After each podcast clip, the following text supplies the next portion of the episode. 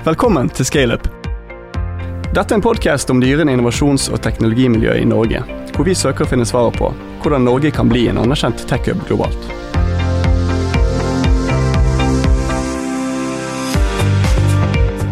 I dag skal vi snakke med Inge Odland om Bergen næringsråds undersøkelse om Bergens digitale kompetanse, det yrende innovasjonsmiljøet i VIS, og prøve å løse noen verdensproblemer på veien. Inge har lang erfaring fra IT-bransjen, og har bl.a. vært IT-direktør i Sparebanken Vest, regionsdirektør i Webstep, og er nå nylig blitt regionsdirektør i Evry. Da er du på sin plass å si gratulerer med ny jobb. Tusen takk. Takk for at jeg fikk lov å komme her. Inge, du har mildt sagt god oversikt over teknologimiljøet i Bergen. Hvordan har IT-byen Bergen forandret seg de siste fem årene? For fem år siden så var markedet prega av eh, outsourcing. Oljeselskap, banker valgte å outsource IT-tjenestene til eh, India. Eh, du fikk et oljeprisfall som òg reduserte bruken av teknologi, IT-kompetanse. Så det var et ganske tøft marked. Jeg jobbet da i Webstep, og vi hadde jo kontor både i Stavanger, Bergen, Trondheim og Oslo. Eh, Stavanger var jo det som virkelig fikk merke det. Bergen fikk merke det en del. Eh, og Oslo merker jo ikke i det hele tatt. For Oslo har jo eh, blanding av både privat og offentlig. Så når privat går ned, så er jo offentlig bare klar til å ta det som er av kapasitet i markedet. Men det tok jo ikke lang tid før vi i Bergen merka at andre aktører begynte igjen å hente konsulenter, for da så de at de fikk tak i kapasitet som de tidligere ikke hadde fått tak i. Så eh, i dag er det jo mange bedrifter som tar og investerer i teknologi. Eh, og virkelig satser på at det er en del av eh, forretningen, og det er strategisk viktig verktøy. Og Sparebanken Vest var jo et godt eksempel. Vi gjorde jo en endring. Vi ønsket å ta ansvar for egen eh, teknologiplattform. Utfordre de som var våre leverandører, og prøvde å skape konkurransekraft gjennom det. Og det har de jo virkelig lykkes med og kapitalisert på eh, i mange år nå. Ja. Og Der gikk jo det egentlig mot, eh, mot strømmen, der DNB nedbemannet og outsourcet til, eh, til India mens Sparebanken Vest oppbemannet? Ja. Og når jeg begynte i Sparebanken Vest i 2003, så var vi 15 stykker på IT-avdelingen. Eh, og Det var jo hovedsakelig på IT-drift. Vi hadde et par på systemutvikling. Når jeg slutta i 2014, så var vi 65 og hadde 35 innleide konsulenter. Og I dag så er det 150 personer på IT-forretningsutvikling i Sparebanken Vest. Så jeg er imponert over den jobben Sparebanken Vest har virkelig gjort. Og kjekt å se at de kapitaliserer på den retningen vi var med å bygge på. Mm. Det er jo mange av oss som tidligere har hatt hjertesukk over fremtiden til filialbyen Bergen. Og Vi mener jo at det er en vrangforestilling, og en av grunnene til at vi lager denne podkasten. Hvilke muligheter ser du for byen fremover? Jeg tenker jo at eh, det er viktig at vi har en del hovedkontor. Det er, det er en fare at hvis hovedkontoret forsvinner utenfor byen, så vil det automatisk vært en tiltrekning mot der som hovedkontoret er. Eh, du ser det i, eh, dessverre i DNB. Et fantastisk miljø som har vært i Solensviken. og De har mange gode funksjoner der, men det er, det er lett for at eh, skal du ha en posisjon i selskapet, så må du til Oslo. Eh, og du må enten lage det på fly, eller at eh, du finner at det blir Oslo som blir permanent basis. Nå er det jo en enorm vekst i finansnæringen bl.a., og sjømat er på vei opp. Ja, og det igjen, altså Mulighetene er mange. og det er jo, Men jeg, jeg tenker at du bør ha en del hovedkontor her i regionen. Ja. Og, og, det var jo litt av det som Jan Erik eh, har sagt i forhold til banken. altså Hvor viktig det er at eh, de leverer gode resultater for å kunne være en selvstendig bank og kunne ha hovedkontoret her i Bergen. Mm. Så, det, det, skaper mer aktivitet. Det at du har et par store som virkelig dominerer eh, og driver markedet framover, eh, gjør at du får utvikla kompetanse, kapasitet, som igjen vil spille over på at andre har lyst til å prøve noen nye ting. Så eh, jeg tenker at en kombinasjon er viktig. Mm. Og så har det kommet enormt mange bedrifter til eh, de siste, siste årene. Så medieteknologi har bygget seg veldig opp. Eh, oppstart, innovasjons... Startup-sektoren startup er veldig stor. Um, er det flere jobber i byen nå enn det var for fem år siden? det er nok i, i sum eh, mer, men òg det at eh, flere og flere virksomheter ønsker å utnytte teknologi gjennom digitalisering, eh, nye forretningsområder, som gjør at eh, det behovet er større. Eh, så også at er, teknologi er basisen for veldig mye. Eh, så det blir mer og mer jobber. Så jeg tror ikke at det her med at IT-bransjen at dette her er en boble. Det, det er ikke det, Behovet vil være her. Og det vil være lenge. Og det ser vi jo at det er mange bransjer som ikke er begynt på digitalisering i det hele tatt. Jeg har jo vært en del rundt om og holdt en eh, foredrag om digitalisering.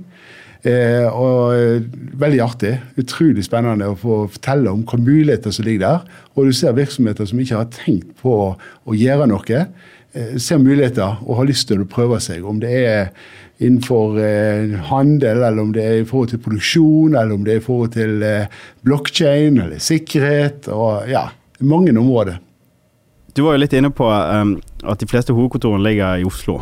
Eh, hva er Bergens fordel versus Oslo? Eh, spesielt innenfor tech-verdenen. Er det noe vi kan gjøre for å lage, skape et litt mer attraktivt arbeidsmiljø i Bergen for teknologer? Ja, vi har jo et, et veldig gode akademier, institusjoner, som utdanner dyktige folk. Vi har både Handelshøyskolen, vi har eh, universitetet, vi har Høgskolen på Vestlandet. Eh, så vi har flinke, dyktige kandidater som kommer ut fra undervisningsinstitusjonene. Eh, vi har spennende jobber i mange ulike bransjer. Eh, sant, du, og det merker jeg jo selv om du har jobba innenfor finans eller om du har jobba innenfor havbruk, så er det så mye du kan ta med deg. Eh, crossover mellom de ulike bransjene. Som eh, egentlig så tenker jo folk at nei, du må ha den her kompetansen, for han har jobba innenfor bankfinans. Men da heller ta med seg eh, den erfaringen og den kompetansen over i andre bransjer, og se hva effekt du kan få med deg der, tror jeg er spennende. Eh, jeg har jobba litt med, innenfor havbruk, og det er veldig mye jeg kan ta med meg fra bankfinans inn i den bransjen. Har du noen eksempler? Ja, altså eh, Aquacloud, som er et eh, prosjekt som er i sjømatklyngen. Der en samler inn data fra oppdrettsnæringen og deler på data for å løse lusproblemet, bl.a. Det er jo egentlig BBS. Samle inn transaksjonsdata, analysere det. Så, så det, er, det, er, mye likt. Og de er kanskje redd for at oi, skal jeg dele data med min konkurrent? Men det er jo det bankene har gjort. Altså, de har jo stolt på en felles Nav eh, med transaksjoner, med kundeforhold osv. Så, så Så det er veldig mye likt. Eller du kan ta ifra offshore. Eh, de har jo samla inn eh, seismiske data, så enorme mye data. Så begynner de å ha videoovervåkning ned i, eller kamera ned i merden. Og så tenker de oi, her er det mye data. Det er jo bare at du går til oljebransjen og så sier hvordan har dere håndtert disse store datamengdene som dere har for seismikken. Akkurat det samme. De skal lagre de, de skal analyseres osv. Så, videre. så det å ta kompetansen fra ett område, en bransje, til en annen, det er jo bare spennende. Så en undersøkelse fra McKinsey eh, som ble publisert i 2015, eh, hvor det er fire år siden. Men de sa om, om ti år så vil eh, Bergen være en av de rikeste byene i verden. Hva som er vilkårene for, for, for, den målingen og sier det var en av de rikeste, det vet jeg ikke. Men Trondheim og Bergen ble nevnt på den listen av, av, av de største, eller de rikeste byene. Da. Og Det var jo bl.a. pga. sjømat, shipping, finans og medieteknologien vi sitter på her i Bergen. Ja, og så har vi vært flinke. Altså, Jeg har nå i Vis, når jeg jobbet der, fått jobba veldig tett opp mot klyngene. Eh, og det de gjør i forhold til å koble ulike virksomheter i en bransje, og det er helt unikt. Eh, og så har du akademia oppi, inn i klyngene òg i tillegg. Så det er, jo, det er jo nøkkeloppskriften for å få suksess. Jeg forstår tall på nettsiden til, til VIS. Det er 4000 forskere ja. i Bergen. Ja. ja. Det er betydelig. Det er betydelig. og det, Vi har 100 ideer som jobbes med hvert år. Så eh, mange spennende prosjekter som kommer ut fra den. Og økosystemet her, det er, det er spesielt. Ja. For Jeg snakket med en i Innovasjon Norge i Oslo som har studert i Bergen og er nå programdirektør der borte. Han var nylig i Bergen og besøkte miljøet rundt VIS, og han var sjokkert over hvor stort miljøet var blitt. Mm. Um, og han mente at det var det største TTO-miljøet, altså teknologioverføringsmiljøet, i Norge. Overgår NTNU TTO og Oslo sitt. Um, og en, en, av grunnen, trodde han, uh, det får jo du svare på, det var jo det at uh, Bergen har blitt flinkere på å samarbeide. Og kanskje at miljøene er mindre og mer oversiktlige. Og at du har, du har jo en hub i finans, du har en hub i medieteknologi. Du har sjømat, du har shipping. Eh, life science er vel òg en ganske stor eh, eh, sektor. Um, hva er din opplevelse? Altså, VIS de omfavner jo flere virksomhetsområder enn TTO-ene både i Trondheim og Oslo. Eh, et TTO er jo et teknologioverføringskontor. Skal ta forskningsresultat ut i kommersialisering. Få opp selskaper eller lisenser eller patenter. Eh, forskjellen med VIS versus de andre, det er jo at inkubasjon Altså det å hjelpe gründere, startups, i samme økosystemet som en TTO, eh, det er spesielt. Men det ser vi en kjempenytteverdi av. Vi som har jobbet, når jeg jobbet der som forretningsutvikler, så fikk jeg jobbe både med forskere som skulle kommersialisere sine forskningsresultat, og med gründere som skulle starte opp sine selskaper. Eh, veldig mye likt som skal gjøres med de to eh, løpene. Litt forskjell i tidshorisonten på det. Eh, litt forskjell i finansieringen. Litt forskjell i tempoet. Men som forretningsutvikler så kan du gjenbruke veldig mye mellom de to type tjenesteområdene. Samtidig så har vi vært veldig opptatt i vis av å eh, inkludere det å koble seg på eh, klyngene. Sånn når Finance Innovation skulle lage sin inkubator, så var det naturlig at vi tilbydde seg og sa at vi har jo Nyskapingsparken. Vi har et konsept der som vi kan ta videre. Det samme var det med NCE Media. Så her som vi sitter nå i MCB, så har vi altså en inkubator i lag med MC, NCE Media i niende. Vi har en eh, inkubator eh, i åttende, vi har en inkubator i sjuende i lag med Finance Innovation, og så har du Nyskapingsparken, og så har du så videre og så videre. Så det å inkludere de du lag, samarbeider med, det har vært viktig forutsetning. Og der eh, har jo Anders Haugland, som er leder av VIS, vært i elleve år, ekstremt visjonær. Og genuint ønske om å skape det beste innovasjonsmiljøet i Norge. Eh, og det har han gjort gjennom å være raus og gjennom å ta muligheter, og ikke minst samarbeide. Eh, den klyngetankegangen som er bygget i Bergen nå, er det meningen at du skal dra dette videre til andre byer i Norge, eller ønsker du å få samlet enda mer spisskompetanse for klyngen i Bergen?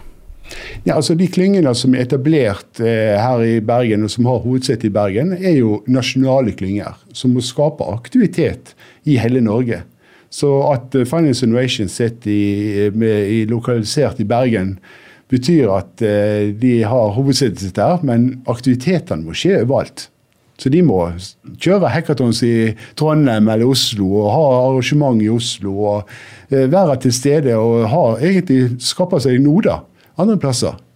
Eh, det har jo vært snakk om det skal bygges en, om det skal komme en helseklynge i Bergen. Kanskje det kan være aktuelt å heller ha en eh, node. Ja, det er jo en del store globale aktører som vi venter på som bare skal, skal etablere seg i Norge. Uh, du har f.eks. Amazon, Facebook uh, Alipay, uh, som har ekstremt mye power når de først går inn i et nytt marked. hvordan tror du det vil påvirke de bransjene som er innenfor tech i Norge i dag? Ja, altså, for Amazon er jo en fantastisk plattform som veldig mange allerede i dag bruker som sin skyplattform. Eh, og så vil jo de selvfølgelig kunne komme inn på andre områder som å konkurrere med andre virksomheter. Eh, jeg tror at eh, de som jobber med tech, eh, må hele tida være fram i skotuppa og være på hugget og lære seg nye ting. Det er helt annet å utvikle ting i dag enn når jeg eh, var ferdig på NTH. Eh, I dag har du masse biblioteker, masse ferdigkoder, komponenter som du laster ned. Og så er det å sette dette her sammen på en fantastisk måte som gjør at du får produkter som kundene ønsker, og, og gir det forretningsverdi. Eh, og hvis du ikke gjør det, så er du ute. Eh, og det tror jeg er viktig for de som jobber med teknologi, å utnytte de mulighetene som finnes. Og så er jeg sikker på at de her store aktørene vil komme inn på en eller annen måte. Eh, og det vil berøre kanskje finansbransjen, kanskje andre bransjer.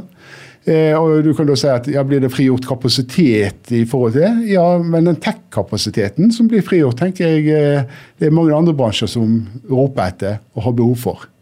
Så jeg tror ikke at det her er det bare å se mulighetene. Så du tror ikke den store etterspørselen etter å utvikle en stor boble som bygger seg opp? Nei, jeg tror ikke det. Jeg tror at dette behovet og endringene som skal gjøres, er så store i så mange virksomheter at uh, dette vil ta lang, lang tid å få løst alle behovene som ligger der. Så IT-bransjen er en trygg bransje å hive seg inn i hvis du, hadde vært, hvis du skulle valgt studieretning nå, så eh. Ja, IT-bransjen er en av de som er, der det er muligheter, og, og så er det selvfølgelig umulig å spå. Når jeg begynte i Trondheim i 87, så skrytte alle som gikk på studiet i klassene over meg, at å, jeg har jobb allerede. To og et halvt år igjen før jeg er ferdig, eller et halvt år før jeg er ferdig. Så var det liksom, var mange som ikke fullførte engang, for de hadde jo jobba godt betalte jobber. Og så når jeg var ferdig i 91, da var det å tørke. Så, så, det snur forferdelig fort. Du har jo vært med på noen uh, konjunkturer opp igjennom. Er, er, det annerledes denne gangen? Det er annerledes med at det er behov Altså, teknologien er så lett tilgjengelig. Det er, det er så enkelt, og så er det så mye som skal gjøres. Du har Smart City, du har helse, du har havbruk. det er så innenfor så enormt mange områder. Eh, men utfordringen kan jo være at det er, det er, som du sier, at det kommer inn løsninger som er ferdige. Eh, og at vi her hjemme tenker for mye på lokale ting og ikke globalt. For det, det tror jeg kan være en fare. Eh, vi, og det ser vi òg i forhold til startups. Altså, det å tenke stort nok. Altså norske unicorn, hvem, hvem blir det? Noe av målet med denne podkasten er å undersøke hvorvidt Bergen kan bli en anerkjent tech-hub, gjerne globalt. Hva må til for at Bergen skal bli en anerkjent tech-hub og vokse i den retningen den gjør nå? For vi er jo på vei. Jeg tror Vi er på vei, helt, helt enig. Eh, og jeg tror at samarbeidet fra hele, helt fra starten, fra undervisningsinstitusjonene ut i næringslivet, kobling med studenter, startups, og få hele denne verdikjeden til å gå smertefritt og fungerer optimalt, det er nøkkelen.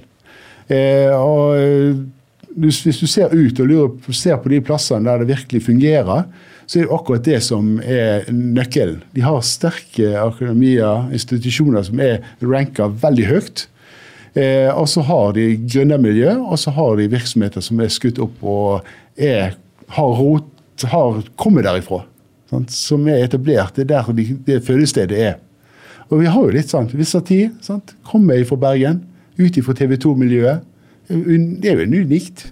Vimon og Visati har jo sin opprinnelse fra TV 2, eh, og gjennom TV 2 hadde de en stor aktør i ryggen når det gikk globalt. Eh, vi hører jo fra gründermiljøet her i Bergen spesielt at det er vanskelig å få tak i kapital. Um, I Silicon Valley så får du kanskje 30 millioner bare for en idé uten at du har gjort noe, mens i Norge så bør du helst være, ideen være lansert og du er kommet ganske langt i, i, stadiet, men du får fortsatt mye mindre kapital inn og mye lavere verdsettelse for selskapet ditt enn i Silicon Valley. Eh, Aquabite er jo et eksempel på selskap som gikk til Silicon Valley for å hente kapital. Eh, hvorfor tror du det er sånn? Ja, så Vi er nok litt forsiktige. Her nå Tirsdag før påske så hadde jo Bergen næringsråd vekstkonferansen i lag med Nordea. Eh, og veldig mye interessante temaer som var oppe.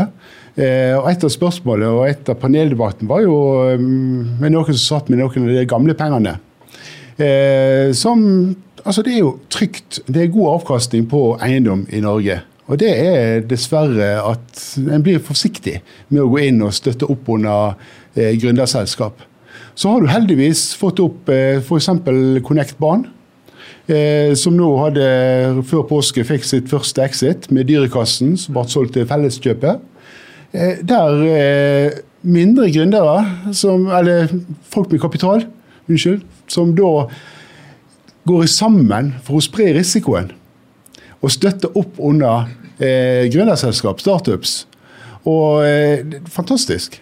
Eh, nå har ikke det varierende hvor mye kapital de går inn med, men det er i hvert fall et miljø som er tettere på, har sagt at det, vi ønsker å støtte opp under startups. Du har Tripod-miljøet, som eh, er spennende.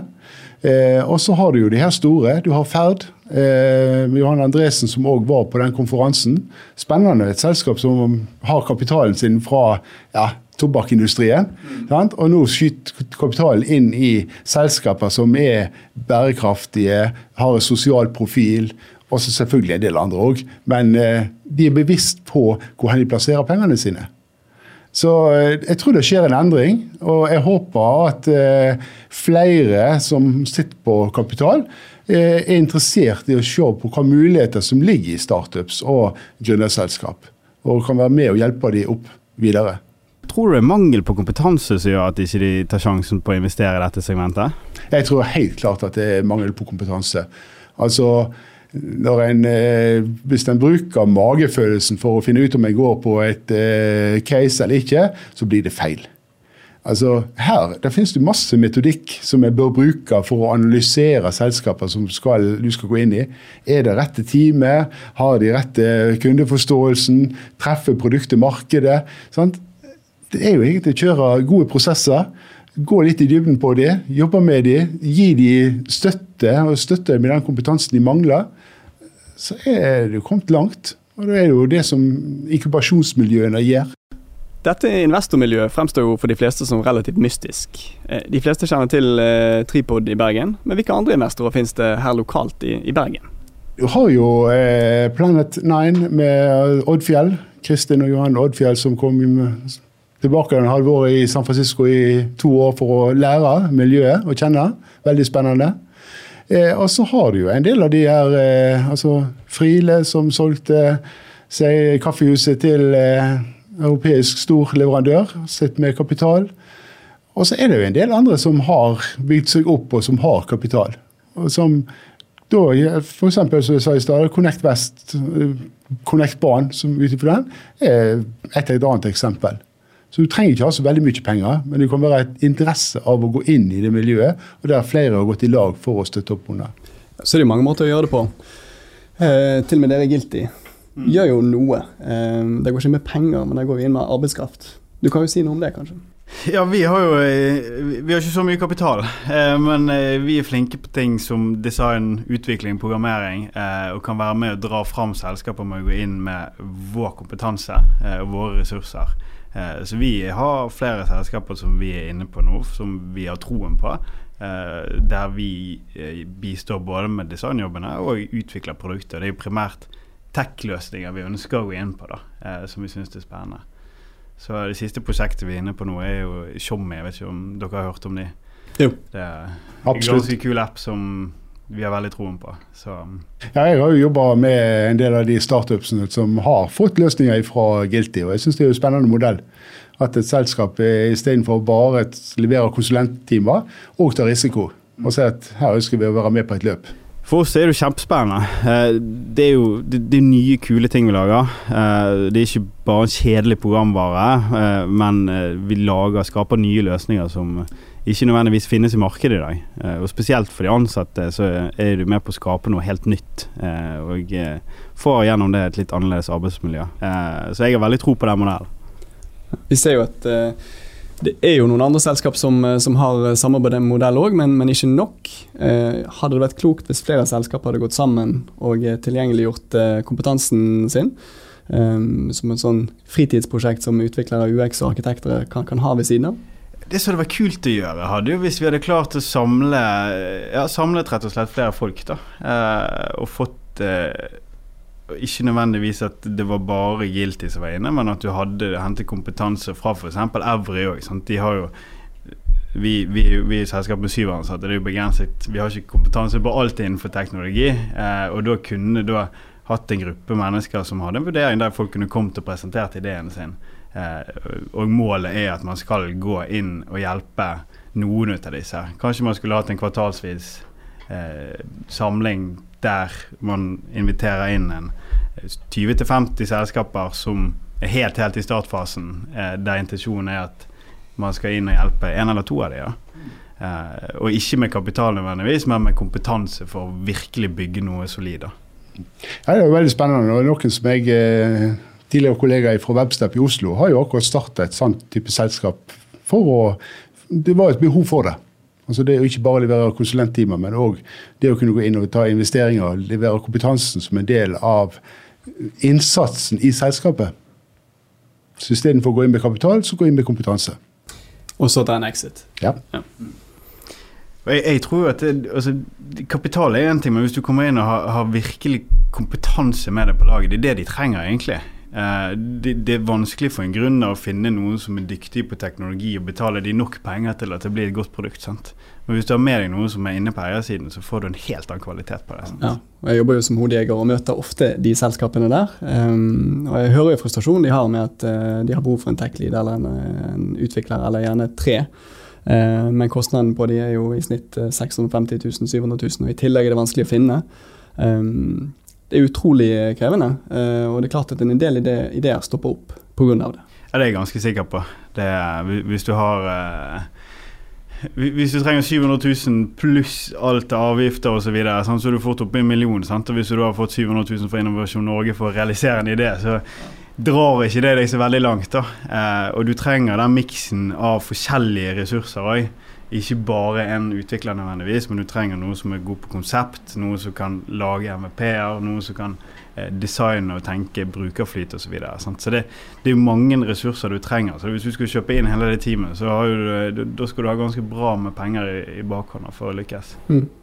Ja, og så er det jo kanskje et samfunnsansvar òg, og det er jo veldig i vinden og kanskje noen, eh, noen store selskaper som Evry eh, kunne gjort noe med. Mm. Eh, men tilbake til, til investorer. Aquabite fikk jo 30 millioner, som du, som du nevnte, Morten. det var jo en såkornsinvestering fra amerikanske investorer. Har du sett en økt interesse fra andre byer, helst andre land, som kommer til Bergen for å se hva teknologi vi har her? Ja, altså Hatch-inkubatoren som vi hadde i lag med utenlandske aktører, det var jo et eksempel på der en så at de, de ønsket å etablere en inkubator innenfor havbruk. Eh, og Da var det naturlig å kjøre til Bergen. Eh, og etablerte den sammen med VIS. Og, og der har jo tiltrukket seg eh, en del spennende aktører. Når CTO-en i Amazon kommer på besøk for å se hva som skjer i miljøet, så er jo det en fjær i hatten. Mm. Eh, og at det da òg tiltrekker seg kapital. Eh, spennende. Ikke så ofte at han tar turen til Norge, tror jeg. Så når han først kommer helt over her for å bare se på det, så er det ganske imponerende. Faktisk. Det er veldig imponerende. Ja. Hvis du, Inger, hvis du hadde 100 millioner, hvilke tre til fem selskaper i Bergen hadde du investert i? Eller anbefalt han CTO-en CTO i Amazon å investere i? Ja, hvis jeg hadde hatt eh, Jeg ville hatt 100 millioner ja. å investere. eh, og så ville jeg, da ville jeg investert i tenker, tre bransjer. Jeg har tatt eh, havbruk, jeg har tatt eh, helse, og så har jeg tatt eh, klima. Innenfor helse så hadde jeg gått på eh, selskap som heter Juvel som kommer fra Intromat-prosjektet som Tine Norgren har hatt. Det å gå på psykisk helse og lage digitale verktøy som kan hjelpe pasienter med å klare hverdagen sin. Kjempeeffekter eh, og utrolig viktig tema. Eh, og der digital hjelpemiddel kan gjøre en stor, stor forskjell. Juvel har lagd en digital plattform der de kan lage treningsprogrammer. Om det er sosial angst, eller om det er OCD, eller om det er andre ting. Så trener du deg til å klare deg gjennom hverdagen, og kanskje bli kvitt de plagene. Og det er jo basert på forskning. Uh, innenfor havbruk så hadde jeg nok satsa på uh, Aquacloud. Eh, nå ligger jo den i klyngen, eh, men jeg hadde nok eh, utfordra dem på med litt penger og kjørt litt mer tempo. uten, bygd opp standardisering og fått virkelig fart i det prosjektet. Veldig, veldig spennende prosjekt.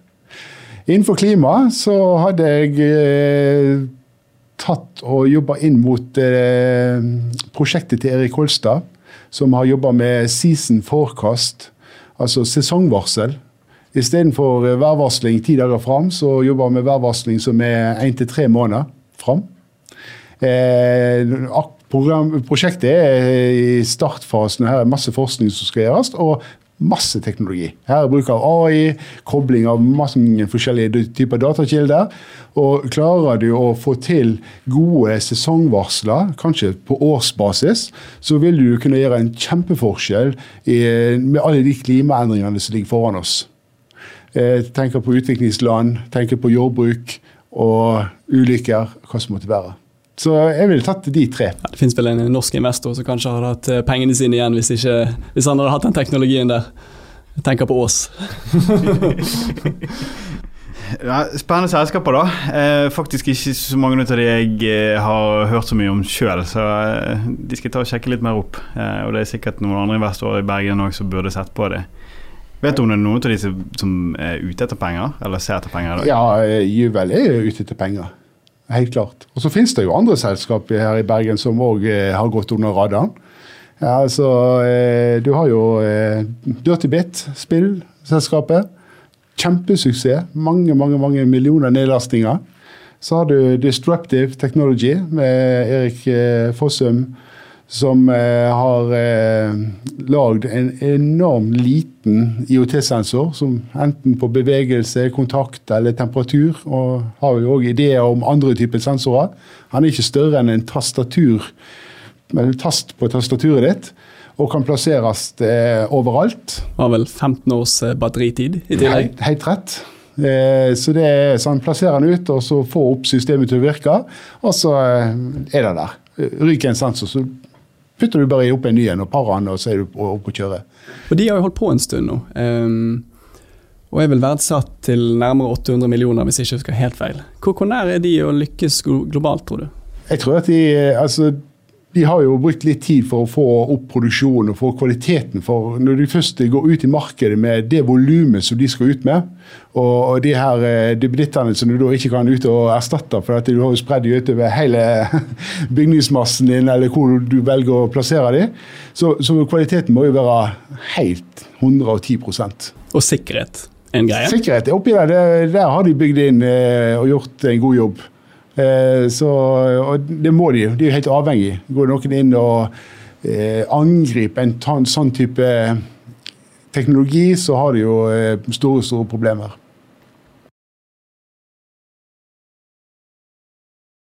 Andre selskaper du har tenkt på? Ja, så Du har f.eks. Stack, som leverer en bankkjerne. Eh, og et eh, arbeidsflyt som er basert på ny teknologi. Altså de, de får jo muligheten til å bygge opp eh, noe som finansnæringen har brukt mange mange år til og har veldig mye historikk inn i sine gamle systemer. Her får de da lagd et system fra scratch, og har jo suksess og leverer jo til mange banker allerede. Så, og kan ha stort internasjonalt potensial. Eh, og så har du jo eh, andre som er store, som eh, Cutters er jo et teknologiselskap. Frisørtjeneste, men som er i Bergen. Jeg tror ikke det er så mange som tenker på disse tech-selskap. Nei, men de har, alle prosessene deres er jo bygd inn i, i systemet. Dette her skal fungere. Sånn så De er bygd opp hele sin forretning, men har løst alle det her eh, For å få flyten, for å få ting til å fungere hele veien, så har de jo tenkt teknologi i bunnen. Min inspirasjon for de er jo Amazon Go, blant annet. Ja. Og så har du eh, Steinsvik, som leverer system til eh, havbruksselskapene. Som eh, har eh, min etterfølger i Sparebanken Vest, eh, som er CTO, Jørn Torsvik. Som eh, har tenker åpenhet i sin arkitektur det har jo vært en bransje der de har hatt to leverandører som har vært veldig proteksjonisme i forhold til eh, å slippe inn andre. Men han har tatt med seg erfaring fra bankfinans og andre, og lagd og satt en strategi som går på åpenhet. og, og skal levere inn. Du kan ikke liksom sette krav til at du skal ha en sensor som skal være basert på den og den protokollen. Her må du ha eh, ting som må flyte for å få det til å fungere. Mm. Hva tror du om mindre aktører som uh, Monobank, da, som starta med null legacy, og all den kompetansen uh, de hadde fra S-banken når, når, de startet opp? Hvor er potensialet der? Altså, De har jo lagt en eh, forbrukslånsbank og kredittkort. Eh, og Det blir jo spennende om de ønsker å bevege seg inn for andre områder. De har jo en, eh, jeg mener jo at de har en kjerne som de kan da utnytte og, og være spenstige. Så, og lage nye tjenester. Nå kommer jo PSD2, eh, som gir muligheten til at du kan hente data fra andre banker. Eh, og at din front blir den unike. Så har du VIPS, som er, begynner å sant, presentere e-fakturaen din, betaling av den fra eh, VIPS. Det, det, tar jo egentlig oppmerksomheten vekk fra bankene. Så Det blir grådig spennende å se hvem som utnytter PSD2 fullt ut. Eh, og lager seg den fronten som blir det du ønsker å bruke. Altså, som er så brukeropplevelsesstyrt at det er den som er helt naturlig. At du går ikke inn i nettbanken til eh, din lokalbank lenger, men det er en eller annen som har funnet nøkkelen til å lage den løsningen som blir unik, og, og brukeren ønsker å bruke. Ja, Med tanke på eh, investeringer og fond, så har det vist seg gang på gang at maskinen er bedre til å gjette eh, og ta bedre beslutninger enn det vi som privatpersoner gjør. Så der gjøres det jo veldig mye spennende. Det er vel Kvantefolio det som er inne på, på, den, på den løypen der. Kvantefolio jo, eh, leverer jo løsninger, og da gikk jo S-banken inn og investerte i selskapet. Og, og, det er jo i forhold til investeringer, eh, hvor du skal ha porteføljen din. Og, veldig spennende. Og hele AI-området, maskinlæring, det er jo eh, et enormt potensial. Men basisen som må på plass før du begynner å virkelig grave i det, det er jo at datakvaliteten din er god. For har du dårlig data inn og begynner å prosessere og finne mønster på de, så blir det jo ikke noe spennende resultat. Det kan bli veldig spennende. Bergen Næringsråd har gjort en, eh, nylig gjort en undersøkelse bl.a. på hvilken kompetanse som er etterspurt eller det er behov for i, i, Bergen. Og Der kom jo AI og maskinlæring ganske høyt opp. Veldig høyt opp. Um, er det en hype? Eh, Fins det gode nok uh, data der ute, uh, og strukturerte nok data til at Eh, de fleste bedrifter kan, kan, starte med det, eller gjelder det kun de bedriftene som har data og tall langt tilbake igjen i tid, eksempelvis? Det kan være vær, det kan være bank. Nei, altså jeg tenker at uh, du, Kvaliteten på data må være god. Det, det, er helt grunnleggende for at du skal få det til å fungere. Eh, og så gjelder det jo hva data eh, Hvis du har gode data historiske, så er det jo kjempefordel. Her så gjelder det å samle inn gode data. kan du bruke sensorer for å samle data, så er det bedre enn om mennesker skal drive og plotte det inn. Så eh, Havbruksnæringen f.eks. De kan jo eh, med å få inn sensorer som leser, tar bilde av fisken, teller lusene, vil jo være mye bedre enn at en røkter løfter opp en tilfeldig fisk, teller, og så skriver han opp en gul lapp, og så går han inn på flåten, og så taster han inn etter en time, og da er lappen blitt litt våt og tallet litt utydelig eh, kjempemuligheter, og det, du må ha gode data. Mm. For at du skal kunne um, bruke dem på en god måte. Men tilbake til den kartleggingen, så var det, det noe som Bergen Næringsråd gjorde i lag med VIS, GC Ocean Technology, NCE Media, NCE Seafood og NCE Finance Innovation, altså de store klyngene her i Bergen. Eh, og De som svarte, var jo ledere og digitalt ansvarlige i eh, virksomheter lokalt her i regionen. Og det var jevnt fordelt fra selskapet med få ansatte opp til mange ansatte. Eh, og vi hadde 166 respondenter. Eh, og det som var fint, var jo at i tillegg til å svare på de her enkle spørsmålene, der du velger blant forhåndsdefinerte svar, så hadde mange tatt seg tid til å skrive inn sine tanker og meninger. Og, og det høyner jo verdien på denne undersøkelsen veldig. Eh, så eh, helt rett som du sa, det som kom høyest ut, var jo eh, i forhold til AI, maskinlæring og big data, en del av den. Og så var det digitalisering altså av forretningsprosessene. Eh, og så var det noen svar som overraska. Det var jo at eh, 10% har god kompetanse på blokkjede i Bergen. Ja. Ja. 10 faktisk, det var mye. Ja, jeg tror ikke på det. Eh, her, her, har nok respondentene som svarer, vært litt eh, optimistiske på egen kompetanse. Ja, jeg, tror, jeg, tror ikke, jeg, tror, ikke, 10 kan forklare blokkjede engang. Nei. Nei. Men hvis vi ser på hva som var mest ettertrakta, så er det jo òg etterspurt kompetanse innenfor sikkerhet og programmering. Programmering overrasker meg litt, sant, i forhold til at, eh, men det, behovet er stort. Eh, og sikkerhet er et område som jeg mener blir mer og mer viktig, eh, og får mer og mer oppmerksomhet, heldigvis. Nå hadde vi jo Yara-hendelsen som eh, gjorde at en del toppledere virkelig skjønner at dette her må vi kanskje ta opp på ledernivå. Eh, for eh, det er nok litt for mange som har bare kjørt på i høyt tempo uten å tenke hvordan skal sikkerheten være bygd inn i de nye løsningene vi lager.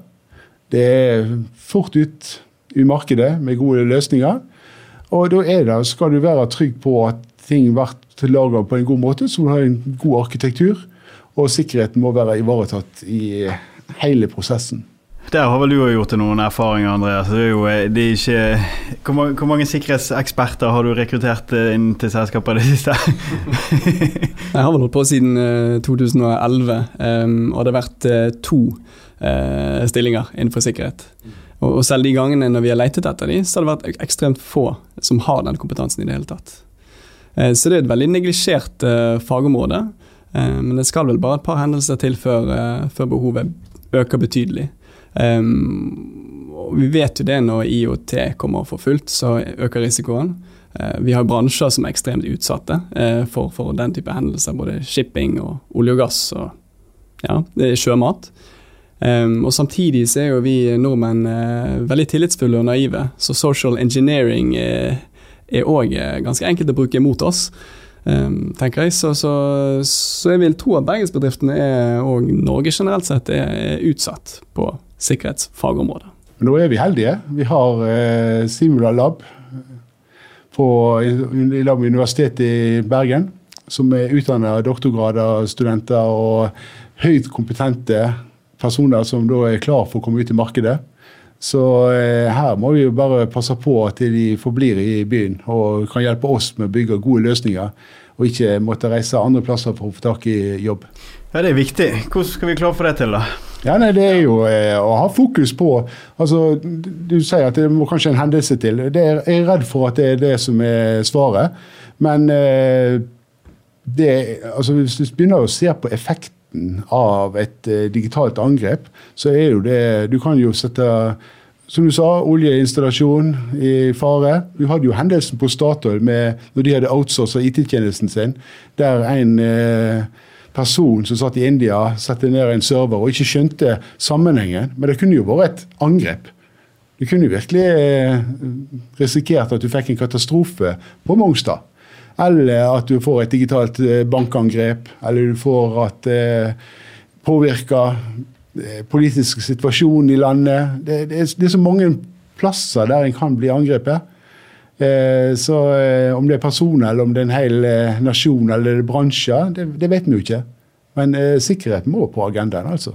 Ja, og der har jo gjerne GDPR fått litt ufortjent oppmerksomhet i forhold til sikkerhet.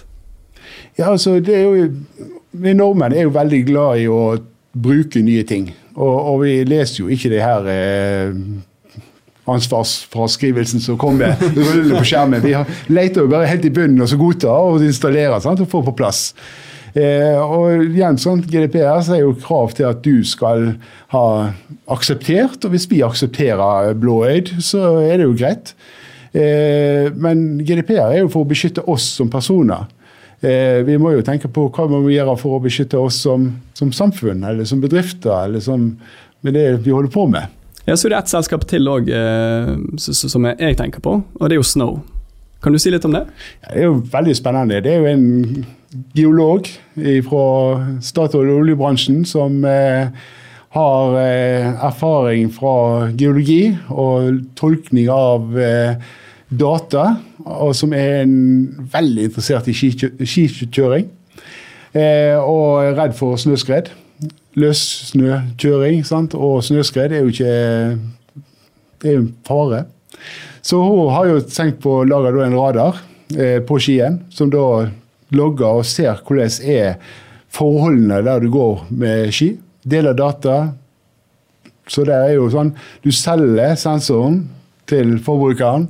Den leverer deg data, du analyserer dataene, og du kan da igjen selge dataene. Om det er til andre skikjørere, eller om det er til eh, eh, om det er kraftindustrien som trenger å vite hvor mye snø er det i fjellet. Hvordan er det her? Er det én meter? Men hvor kompakt er den? Hvor mye vann er det egentlig i snøen? Eh, så det er eh, et veldig spennende selskap og en engasjert leder som jeg heier på. Med et gigantisk globalt potensial. Ja. ja. Hva tror du er årsaken til det kraftige behovet for digitalisering nå? Nei, frem til nå, så, eller Tidligere så har det vært veldig fokus på effektivisering. Det å sette strøm på papiret og få vekk eh, papir, alt digitalt. Men eh, i forhold til den kartleggingen så så vi jo at flere svarte med kommentarer om at de ønsket å gå ifra å være B2B til å være B2C. Altså ta en del av verdikjeden eh, og egentlig levere mer, eller levere til andre kunder. Eh, og så at andre òg skrev at de ville gå ifra det å levere produkter til å levere det som en tjeneste. Eksempel på det er jo Karsten Boholt og Rolls-Royce, som tidligere har levert motorer. Eh, motorer du har kjøpt, du har betalt vedlikeholdsavtale, serviceavtale på det. Nå kan heller kjøpe kraft. Framdrift. Sant? Du kjøper det som en tjeneste. De forplikter seg til at denne motoren her skal gå. De har sensorer som lytter og passer på at eh, oi, her var det en liten ulyd. Da vet vi at om 100 timer så kommer, må vi skifte den komponenten, og så gjør de det. Uten at kunden merker det. Vil jeg si at de, de, de leaser motorene? Altså de, de, eller, eller, eier de aldri motoren i det hele tatt? Du eier ikke motoren i det hele tatt. Du kjøper, du kjøper framdrift. Så sammen som eh, nå eh, Tripod-selskapet iMove, som, eh, der du leaser en eh, liten elbil. Og så har du fått hyttebil eh, ti ganger i året når du har brukt for det. Den store SUV-en som du trenger egentlig ikke, bruk, ikke bruker hver dag, men du bruker den her da ti dager i året. Eller mer hvis du Men da betaler du for det. Så det er en kjempeløsning. sant? Tenke på behovet til kunden, og så tilpasse det til det som du har bruk for. Og Da er det avhengig av å lage gode løsninger i bunnen, sånn at du kan håndtere at dette blir skalerbart. Det er jo det som digitaliseringen virkelig kan være god på. At du kan lage gode løsninger manuelt. Sant? Men hvis du skal ikke håndtere dette med mennesker, så klarer ikke du å levere til det globale markedet. Men hvis du klarer å lage digitale løsninger som skalerer, så er jo da er verden for deg. Og det er jo det, Airbnb er jo eksempel på det. Sant? De lagde en digital løsning jeg har en ledig seng, du har et behov for overnatting. Greit, vi fikser det. Og digitale løsninger håndterer både tilbud og leveransen og oppgjøret. Ja, Uten at de eier noe som helst, egentlig? Absolutt. De, ikke, de eier jo ikke en seng. Men de har en fantastisk løsning. Ja, ja. De eier jo markedet, sant? Eh, verdikjedene. Så det er, jo, det er, jo, en annerledes måte å tenke på. Og Det var jo det når vi, eh, når vi søkte om å i lag med samarbeidspartnere for å få den katapulten som vi fikk til Bergen som var veldig spennende. og Det er jo en katapult som har både med 3D-printing og med rasanlegg og litt digitalisering så var jo akkurat den modellen vi beskrev som gjorde at jeg tror at en av de faktorene som gjorde at vi fikk den gjennom, var jo at vi beskrev den som en Airbnb-løsning. Altså sette ord på det, som de klarte å forstå at jo, her er det industri som har testfasiliteter tilgjengelig, som de ikke bruker fullt ut. Som gründere eller forskere har bruk for å låne litt. Og så kan eh, du låne det eller leie det og så få gjort det du trenger for eh, å komme raskere ut i markedet med dine produkter. Så har Prototec en 3D-printer som koster 10 mill., og de har 20 ledig kapasitet på den. Så har de en markedsplass for å tilgjengeliggjøre den. Hvordan kan man tenke den delingsøkonomien? Det, det er jo en trend. Det er mye, mange selskaper som prøver å lage nye delingsøkonomimodeller. Eh, hvordan kunne vi tatt den tankegangen inn i tech-bransjen i Bergen? Altså, det er jo eh, Samarbeid er jo en eh, nøkkel her, tror jeg. Altså det å dele på ideer og tenke ut hva løsninger kan vi ha. Altså den eh, Det du nevnte tidligere med å dele på kompetanse inn til gründerbedrifter, er jo òg en delingsøkonomi. Sant? Det er jo dette med at du eh, utnytter den ressurstilgangen du har, på en ny måte. Og VIPS er jo en form for delingsøkonomi. Ja. En form for. Mm. Det, men det er jo, jeg tenker jo at det, mange, det er stort potensial, for det er sikkert mange i Bergen som sitter og lager de samme tingene. Det er det, og, og det er jo eh, der jeg tror at med norske strukturen med tillit i bransjen, det å være rause, åpenhet, tørre å dele, det at DNB som hadde VIPS gikk til de andre bankene i Norge, er jo et eksempel på hvordan det skal gjøres. Og Der har jo bankbransjen vært helt unik gjennom alle årene. Sant? De har bygd opp eh, BSK og alle her fellesfunksjoner som ser at ja, la oss eh, samarbeide der vi kan, og så konkurrerer vi der vi må og der vi bør. Det, det er en god modell. Bra. I eh, undersøkelsen eh, dere gjorde, så fant dere ut at det manglet over 600 teknologer i Bergen. Og da eh, jeg har dere ikke spurt Evry, eh, som du kjenner godt til, som skal ha 100 mm. bare i 2019 i Fyllingsdalen. Dette er jo ikke bærekraftig. Eh, I lengden, tenker jeg. Altså, i, i, 2019 så har vi, har vi, det behovet. I, I, 2020 kommer det til å øke, i 2021 kommer det til å øke, i 2022 kommer det til å øke. Med mindre det skjer noe eh, en korreksjon eh, globalt. Men uansett, så, så du sier, og som vi, vi, vet, så skal jo alt digitaliseres. Eh, vi er jo tre her som jobber med teknologi fra forskjellige innfallsvinkler. Eh, skal vi kanskje spare om dette, altså cut the crap? Hvordan løser vi problemet, og, og hvem kan løse det? Altså en ting er jo, Vi har jo vært inne på tidligere i forhold til utdanningsinstitusjonene, å få, å få flere gjennom. Eh, altså Få opp interessen rundt dette fagfeltet. Sørge for at det blir utdanna nok. Eh, og kanskje næringen også en ting som eh, jeg ser sjøl når vi har vært i bransjen, det er jo Eh, det å slippe studenter inn i virksomheter og få lov å jobbe med prosjektoppgaver eller være interns, eller hva det måtte være, er jo en unik måte å koble de til bedriften på. Du kan jo få prøvetid uten å måtte ansette dem. og, og, de får jo en erfaring som gjør at det er lettere for dem å være motivert for å komme ut i arbeidslivet. Eh, og så er det jo at eh, vi som har vært en stund ute i arbeidslivet, kanskje har eh, lyst og mulighet til å gå inn og være som gjesteforelesere eller være, ta ansvar for å hjelpe til at utdanningsinstitusjonene har nok kapasitet på lærerkrefter. Og det er jo veldig spennende. Ja. jeg var jo til, til stede på en av de eh, eh, frokostlunsjene, eller frokostmøtene der det ble publisert, den undersøkelsen. Og Da var det en fra Høgskolen på Vestlandet og en fra universitetet som reiste seg og sa at uh, ja, det, det, vi er enige om at uh, flere må, må gjennom og, og, vi må ha flere studieplasser. Men vi, vi, har ikke nok forelesere, vi får ikke tak i nok professorer.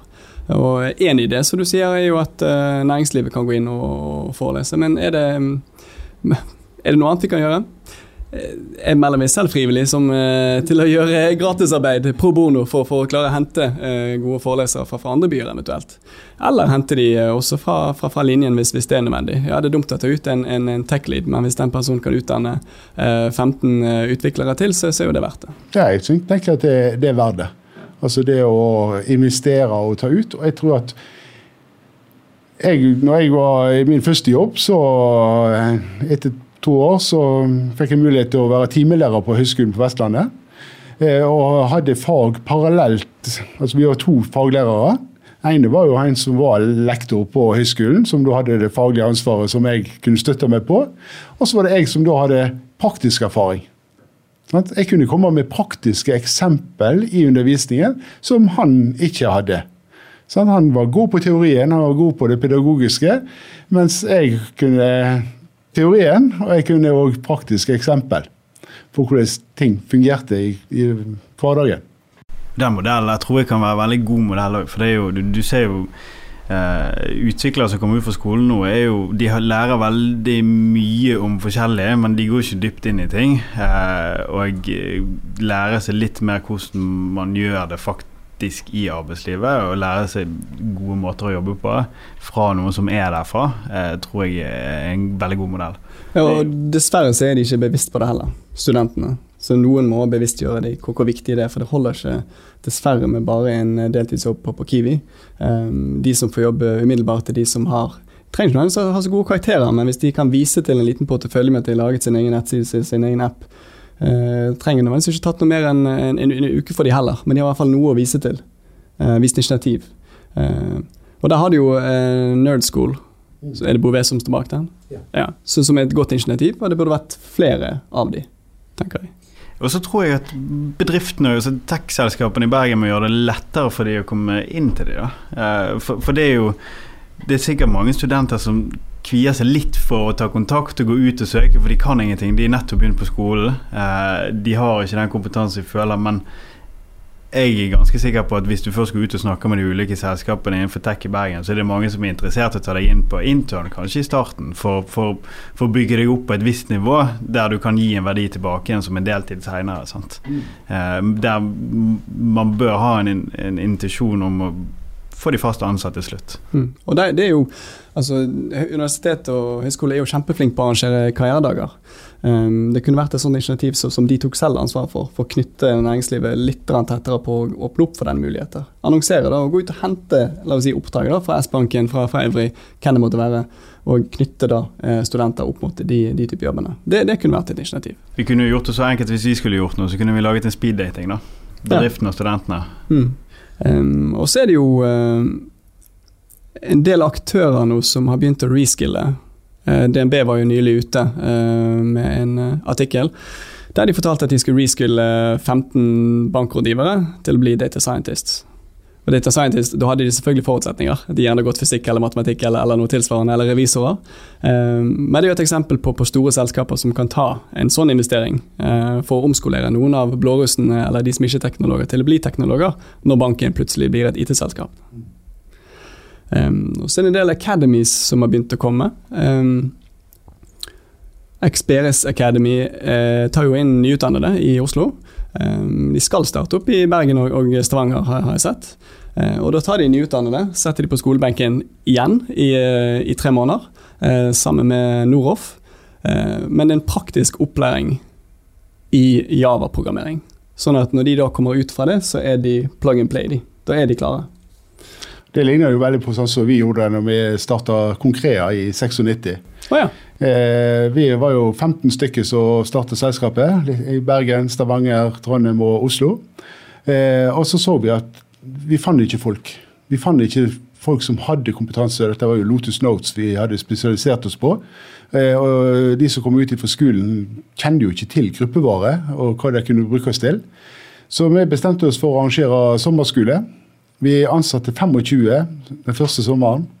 Eh, de var da inne i Oslo. Vi fikk låne Mastemyr. IBM var jo litt deleier inn i selskapet, så det hjalp litt på. Eh, og så eh, var vi som var seniorer i selskapet, fikk, eh, var instruktører.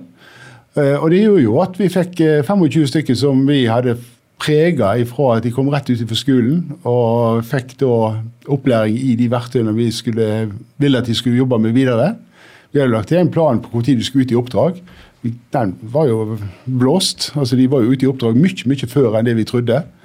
Eh, kjempe, kjempesuksess. Og det med at du samla noen da som skulle, de var felles i Oslo, men når de var ferdige, så skulle noen til Trondheim, noen skulle til Bergen, Stavanger, Oslo. De hadde jo et nettverk, samtidig så fikk nettverk imellom. Og dette gjentok vi jo år etter år.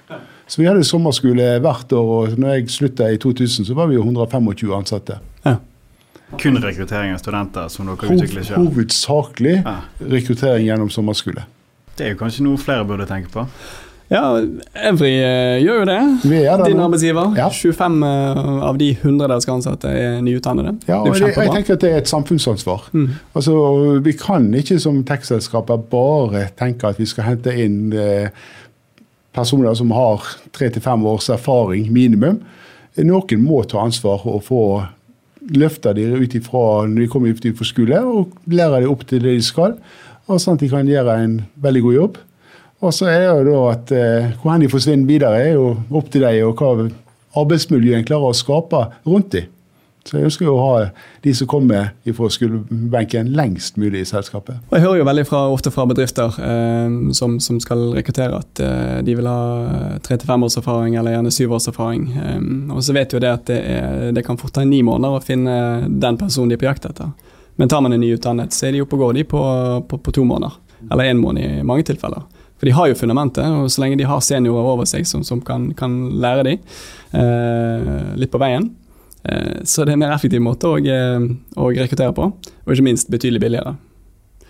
Men det er jo noe for de store selskapene, eller de, de som har et stort miljø av eh, utviklere, eksempelvis. Ja, og du må, ha, du må ha en bevisst strategi på at du ønsker å gjøre. For du kan ikke bare ta inn og så uten å ha, som du sier, en senior ved sin side som kan hjelpe dem for å løfte dem opp. Og, og det er jo en unik mulighet til å, å få prega en nyansatt til å bli det du mener er det viktige når du skal ut i arbeidslivet. Mm. Så du er jo her og med på å skape fremtidens eh, arbeidstakere. Ja. Og Det som er veldig synd. Jeg ser jo ofte eh, CV-er på, på, nyutdannede som var ferdig i, eh, i juli, eh, men som ni måneder etterpå fortsatt ikke har fått en relevant jobb. De har gjerne ingen erfaring på CV-en sin, men de har en bachelor- eller mastergrad. Eh, de har helt OK karakterer, C i snitt, CTB et sted. Den typen sliter ofte med å få eh, jobb. Eh, ofte tar de noe helt annet. De tar en kundekonsulentstilling i en bank i mellomtiden, eller de forsvinner til Oslo, for det er der får de jobb litt fortere. Uh, og det er jo en enorm trussel. Hvor, stort, altså hvor stor andel av de nyutdannede det er, det vet jeg ikke. Det kunne vi utfordret UiB og uh, Høgskolen på Vestlandet litt senere. Men der er det et stort uh, untapped marked som de store selskapene kan ta litt mer ansvar på, tenker jeg. Jeg er helt enig. Det tror jeg, men det, det, det, er jo, det viktige der er jo at man kommer, at man kommer i kontakt med studentene tidligere. Ja. og det er jo like mye skole sitt ansvar å invitere inn næringslivet. Eh, til å faktisk oppfordre for de, Hvis de oppfordrer studentene til å gå ut og finne deg en jobb som er relevant, og ikke jobb på kassen på Rema på hjørnet her, så har du en helt annen mulighet når du først er ferdig utdannet. Eh, med en gang du har bygget ett til to år eh, referanse fra et selskap, så, så, er, så er jo, du, du skriker jo folk etter deg. Og så er det et fåtall av bedriftene i Bergen som er villige til å ansette eh, personer som snakker engelsk. Der er det òg et gigantisk potensial. Um, og det er mange måter å gjøre det på, da, men man, man burde samlet i et sted. Om det, om LinkedIn, eh, om det kunne vært en LinkedIn-gruppe eller Facebook-gruppe eller, eller, hva det måtte være. Um, der er det et stort uh, potensial, spesielt for store bedrifter uh, som, som, allerede snakker engelsk. Ja. ja. og det, der må en jo bare utnytte hvis en skal klare å fylle på med det behovet som viser seg at det er. Mm. Ja, det har vært veldig interessant, Inge. Ja. vi har jo Jeg føler jeg er blitt en del klokere. Eh, vi har òg eh, fått definert noen ting som jeg mener vi bør snakke videre om framover. I forhold til cut the crap-biten til Andreas her. Det er jo masse vi kan, mange gode initiativ vi kan ta i Bergen. Så jeg vil bare takke for at du kom. Eh, Tusen takk for at jeg fikk lov å komme. Det var veldig kjekt å få være med og bidra til den eh, nye podkasten deres. Så eh, ha en fin dag videre. Takk for det.